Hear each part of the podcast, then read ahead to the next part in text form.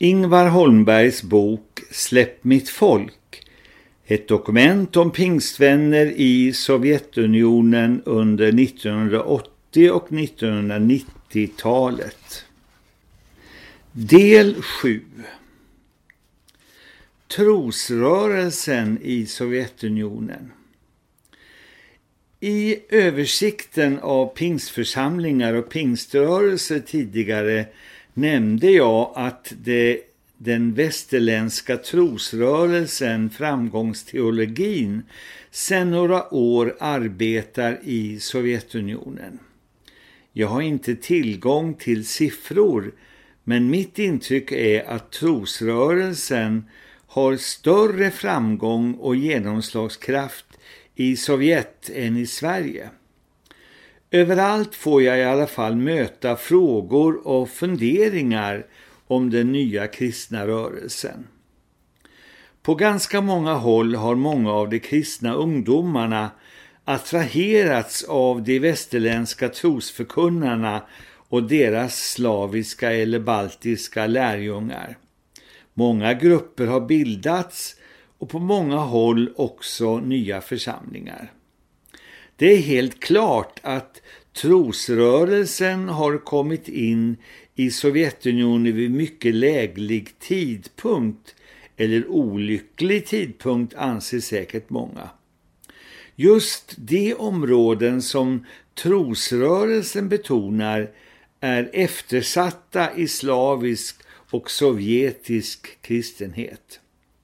Betoningen på lovsång och glädje undervisningen om nåden och att leva av tro, det starka utövandet av förbön för sjuka med handpåläggning samt befrielsetjänst. Allt detta har ju församlingarna varit svältfödda på. Många ungdomar och även äldre kristna har med glada jubeltjut sällat sig till denna nya och förvisso betydligt roligare kristendomstyp. Och säkert har vanliga icke-kristna sovjetiska ungdomar utan ortodoxa traditioner eller hämningar mycket lättare bejakat en sån här kristendom än den traditionella pingströrelsen. Lagen om pendelrörelse gör givetvis att eh, de ryska i trosrörelsen kan ha en tendens till överdrifter. Det är lätt att förstå dem. Det är som kalvar utsläppta ur den mörka kätten ut på den gröna ängen. Denna trosrörelses lärjungar är mer entusiastiska än de flesta. De hoppar högre, tjoar vildare och talar frimodigare än de flesta av sina trosfränder i andra länder. Och minst lika bra som någon annanstans kopierar de snabbt de vedertagna maneren, den självsäkra, lite raljerande tonen mot synd, sjukdom och djävul och andra kristna. De lär sig fort de nya fackuttrycken och den flotta och lite världsvana looken nästan obligatoriskt med smink och smycken på damerna. Ofta har både sovjetiska och svenska kristna frågat mig hur jag ser på trosrörelsens arbete i Sovjetunionen. Lika ofta har jag svarat att jag inte är helt för och inte helt emot. Det finns många bra saker och det finns en del mindre bra. Jag har hört ganska många pastorer med beundran tala om evangelisationsinsatser och annat. Men ännu fler pastorer har med sorg i rösten och smärta i blicken sagt till mig Karismatikerna har splittrat vår församling. Varför kan de inte bilda församlingar av nya människor?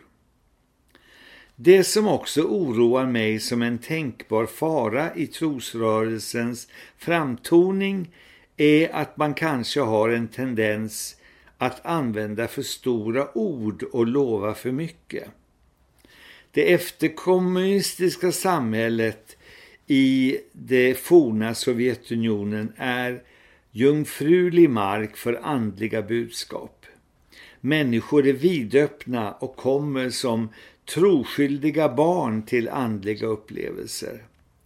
I ett sådant läge får man inte lova mer av helande och befrielse än man har andlig täckning för och kraft och smörjelse. Man får inte tala för tvärsäkert om demoner eller befrielse från fattigdom och problem.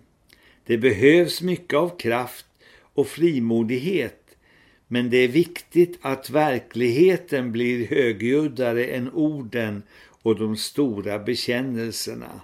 Annars blir nog resultatet många skadade människosjälar. Riktigt ett med trosrörelsen i Sovjet känner jag mig alltså inte. Men inte heller med den traditionella pingströrelsen. Om den brännmärker glädjen och skrattet. Om den erbjuder fem minuters nåd och 50 års lag. Om den förbjuder smycken och smink men inte brännmärker förtal, elakhet och oförsonlighet om den endast har plats för tungotalare i himlen, om den driver barnafödandet in absurdum och gör havandeskapet till en frälsningsväg. Lovsångens revolution Som en bjärt kontrast till sången som är klädd i sorgflor finns det en lovsångens revolution på många håll. Många ungdomar och unga ledare har kommit i kontakt med lovsångsvågen i västerlandet. Det har skett genom besök i väst eller genom utländska besökare eller genom de ryskspråkiga lovsångskassetter som har spridits under de senaste åren.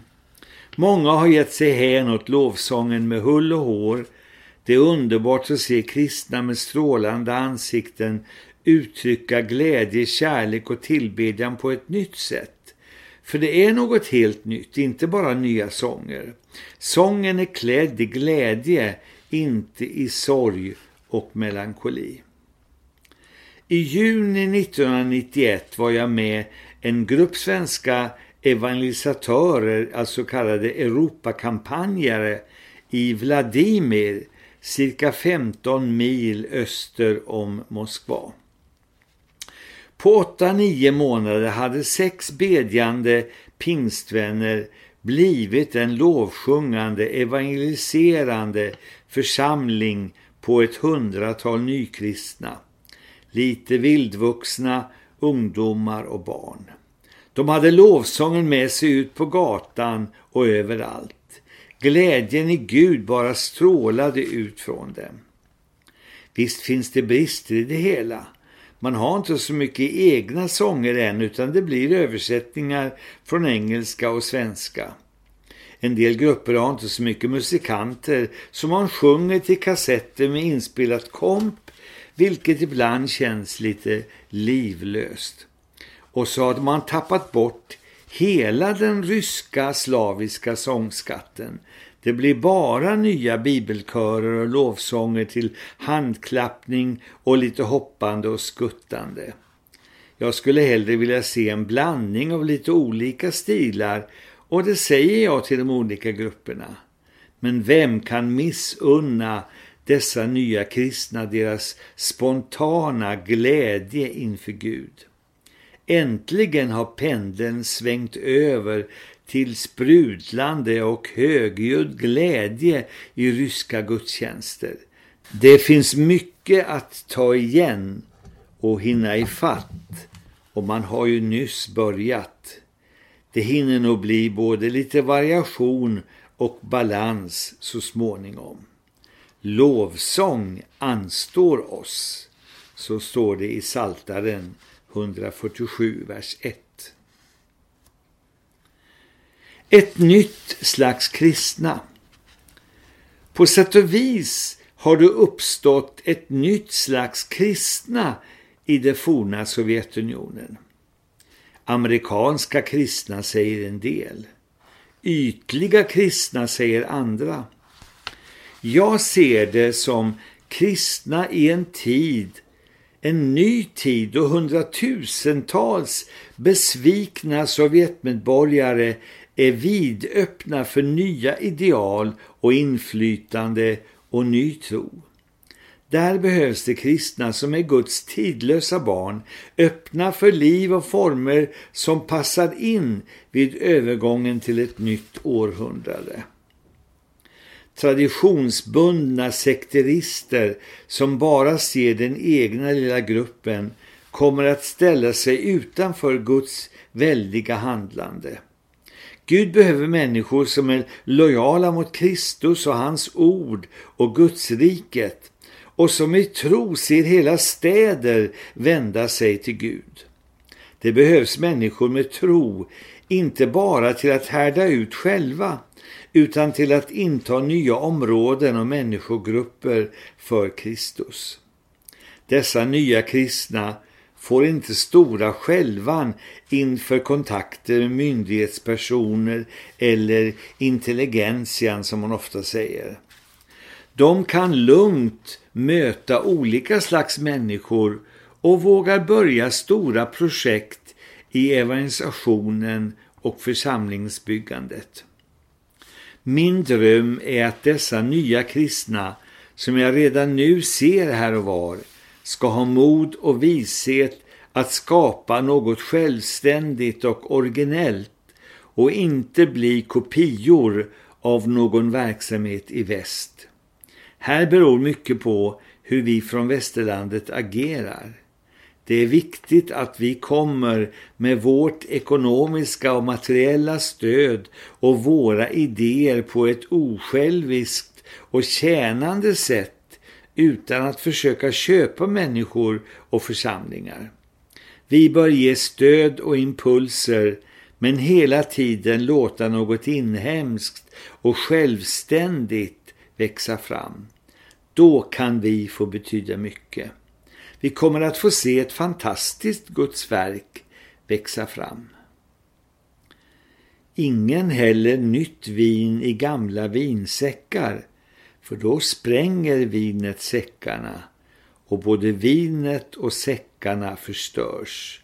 Nej, nytt vin slår man i nya säckar. Så säger Jesus i Markus 2, vers 22. Nya församlingar. Det har varit en stark församlingstillväxt i Sovjetunionen under de senaste åren.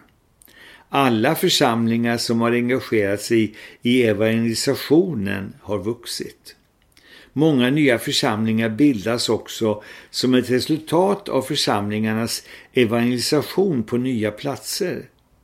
Så finns det ännu en viktig aspekt på temat nya församlingar och det är nya församlingar vid sidan av de redan existerande. Om bara cirka 10 procent av de frälsningssökande kommer till församlingen behövs det fler församlingar och ett nytt slags församlingar.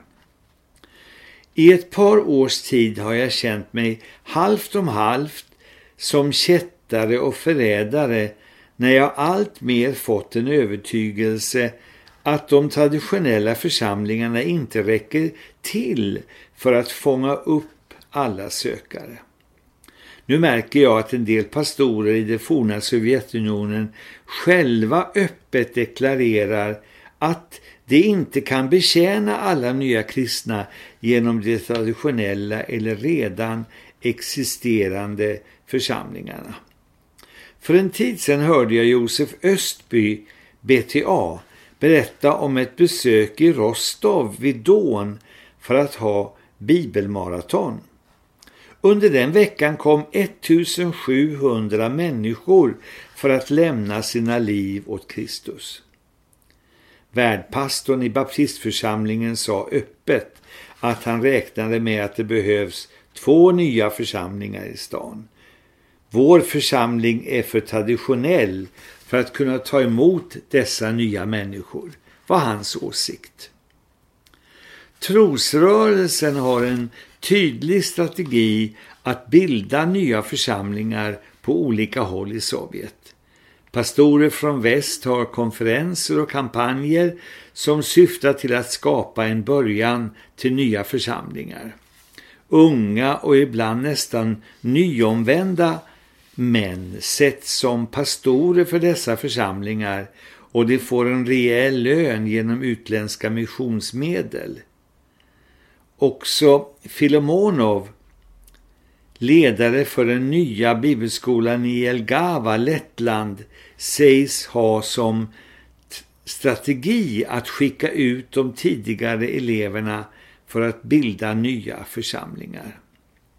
Sättet att bilda en ny församling i exempelvis Ryssland är, åtminstone i svenska ögon, ofattbart enkelt och fräscht. Man hyr en allmän lokal för möten några dagar och tar dit ett team med sångare och musiker. Efter någon vecka har man med största sannolikhet några hundra människor som har omvänt sig till Gud. Sen är det bara att ha en adress, kanske en mindre sal, och fortsätta med regelbundna möten förutsatt att man har en ledare som kan hålla i det hela och ta hand om de nyomvända. Också Maranatha Ministries med Bob Weiner har kristna studentkonferenser och ledarkonferenser med syfte att bilda bönegrupper och församlingar vid universiteten. En del församlingar väljer att vara fristående från alla övergripande samfund och organisationer. Man har sett avigsidorna och den stelbenta strukturen i pingstsamfunden. Och fast man är öppen för kontakten med kristna i väst och impulserna därifrån vill man inte helt identifiera sig med exempelvis trosrörelsen. Evangelisationsstiftelserna, missionerna, har också kommit in i en andra fas i sitt arbete. Till en början var stiftelserna mer tydligt än församlingarnas utsträckta hand i evangelisationen. Men de som blev kristna passade inte alltid in eller var välkomna till de gamla församlingarna. Nu har det bildats nya församlingar som en frukt av missionernas arbete. Dessa olika mer fristående församlingar är enligt min mening mycket intressanta för oss att stödja. De är de västerländska församlingarnas närmaste släktingar.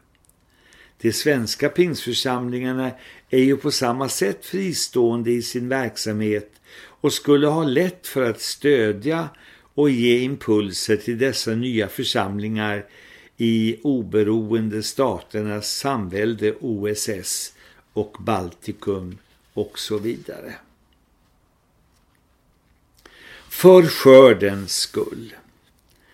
Det är dags att göra en sammanfattning och försöka dra några slutsatser. Vad kan vi som kristna församlingar och ledare i väst göra för att stödja evangelisationen och församlingsbyggandet på den jättekontinent som har varit Sovjetunionen? 1. Vi kan upprätta och odla kontakter med de olika pingssamfunden och församlingarna. Sån kontakt behövs både på biskopsnivå och församlingsnivå i de rörelser som har en pyramidstruktur med landsledare, distriktsföreståndare och lokala pastorer. Utan kontakt med det övergripande ledarskapet blir kontakterna med lokala församlingar inte lika värdefulla och fruktbärande. Samtidigt behövs kanske mest av allt djupgående kontakter ute i de olika distrikten och församlingarna. Jag har till exempel redan berättat om hur gemenskapen mellan de olika pingströrelserna nu är ganska bra på biskopsnivå men inte så bra lokalt i de olika städerna. Genom att inbjuda ledare från Moldavien, Baltikum, Ryssland och andra områden till olika konferenser och samtal samt besöka liknande konferenser i öst stärker vi gemenskapen och förståelsen på ledarnivån. Genom vänförsamlingskontakterna knyts starka band på gräsrotsnivå. Genom besöken hos varandra upplever båda församlingarna att de får både ta emot och ge. Båda parterna kommer förmodligen att tycka att de själva har mest nytta av glädje av kontakterna. Nu har vi ett brett spektrum av olika slags församlingar och pingstvänner. Alla behöver kontakt. Vi kanske inte klarar av både de traditionella grupperna och de nya lite vildvuxna men vi kan väl hålla kontakt med någon grupp och samtidigt välsigna det som andra gör. För det andra, vi kan stödja evangelisationen och delta i den på olika sätt. En del församlingar behöver uppmuntras till evangelisation men de flesta gör mer än de egentligen klarar av. Ofta arbetar de nästan helt utan resurser och vi kan sätta redskap i deras händer. Biblar och annan litteratur, högtalaranläggningar och musikinstrument, transportmedel, material till barnarbetet samt pengar till hyra av möteslokaler, stöd till evangelisationsteam och pionjärarbetare och byggande av kyrkor. Genom att själva medverka i möten och evangelisation bidrar vi med PR och variation och uppmuntran för våra trossyskon. Just nu i förändringarnas tider räcker våra pengar så långt, så långt. Passa på medan rean varar. Priset för två, tre pizzor eller hamburgare i Sverige räcker just nu till en månadslön för en pionjärarbetare och hans fru i Sibirien. För det tredje, vi kan hjälpa till med att träna ledare. När tusentals och åter tusentals människor vänder sig till Gud är den största bristvaran ledare, äldste och pastorer. Och när nu cirka 85 miljoner barn och ungdomar är möjliga att nå med Jesu budskap finns det också bland dem ett jättebehov av ledare. Både de alltför konservativa och de alltför fria församlingarna behöver kontakt och stöd för att träna ledare. Bibelskolor, kurser, böcker och material, allt som kan göras nu är viktigt för skördens skull. För skördens skull, för människornas skull, för Guds rikets skull. Det måste vara ledstjärnan för vårt handlande. Nu är det inte tid för småaktighet, tveksamhet och rynkande på näsan. Världshistoriens största skörd ska bärgas in och alla behövs. Låt oss ha kvar och också uttrycka vår övertygelse. Men låt oss inte avstå från att hjälpa till. Allt behövs. Högtidliga konferenser och glad lovsång. TV, radio och personliga samtal. Jättekampanjer och små, svettiga stugmöten. Miljontryck av Nya testamenten och handskrivna mötesaffischer. Tårar och krumsprång. Allt behövs för skördens skull. Du behövs för skördens skull. Och ett litet ord av efterskrift, slutord. Har du kommit ända hit? Det trodde jag knappast. Du är nog nästan ensam. Hade du ingen annan bok till hands? Tack i alla fall, jag är jätteglad. Nu vet du nästan allt jag vet om Sovjetunionen. Nu kan du göra något där inte jag räckte till. Gör som du vill, men gör något. Jag tänker också fortsätta. Kanske ses vi i Sverige eller i Ryssland, Baltikum eller Centralasien. Här har du min hand. Lycka till! Och därmed är det slut på läsningen av den här boken som alltså gavs ut i början på 1992.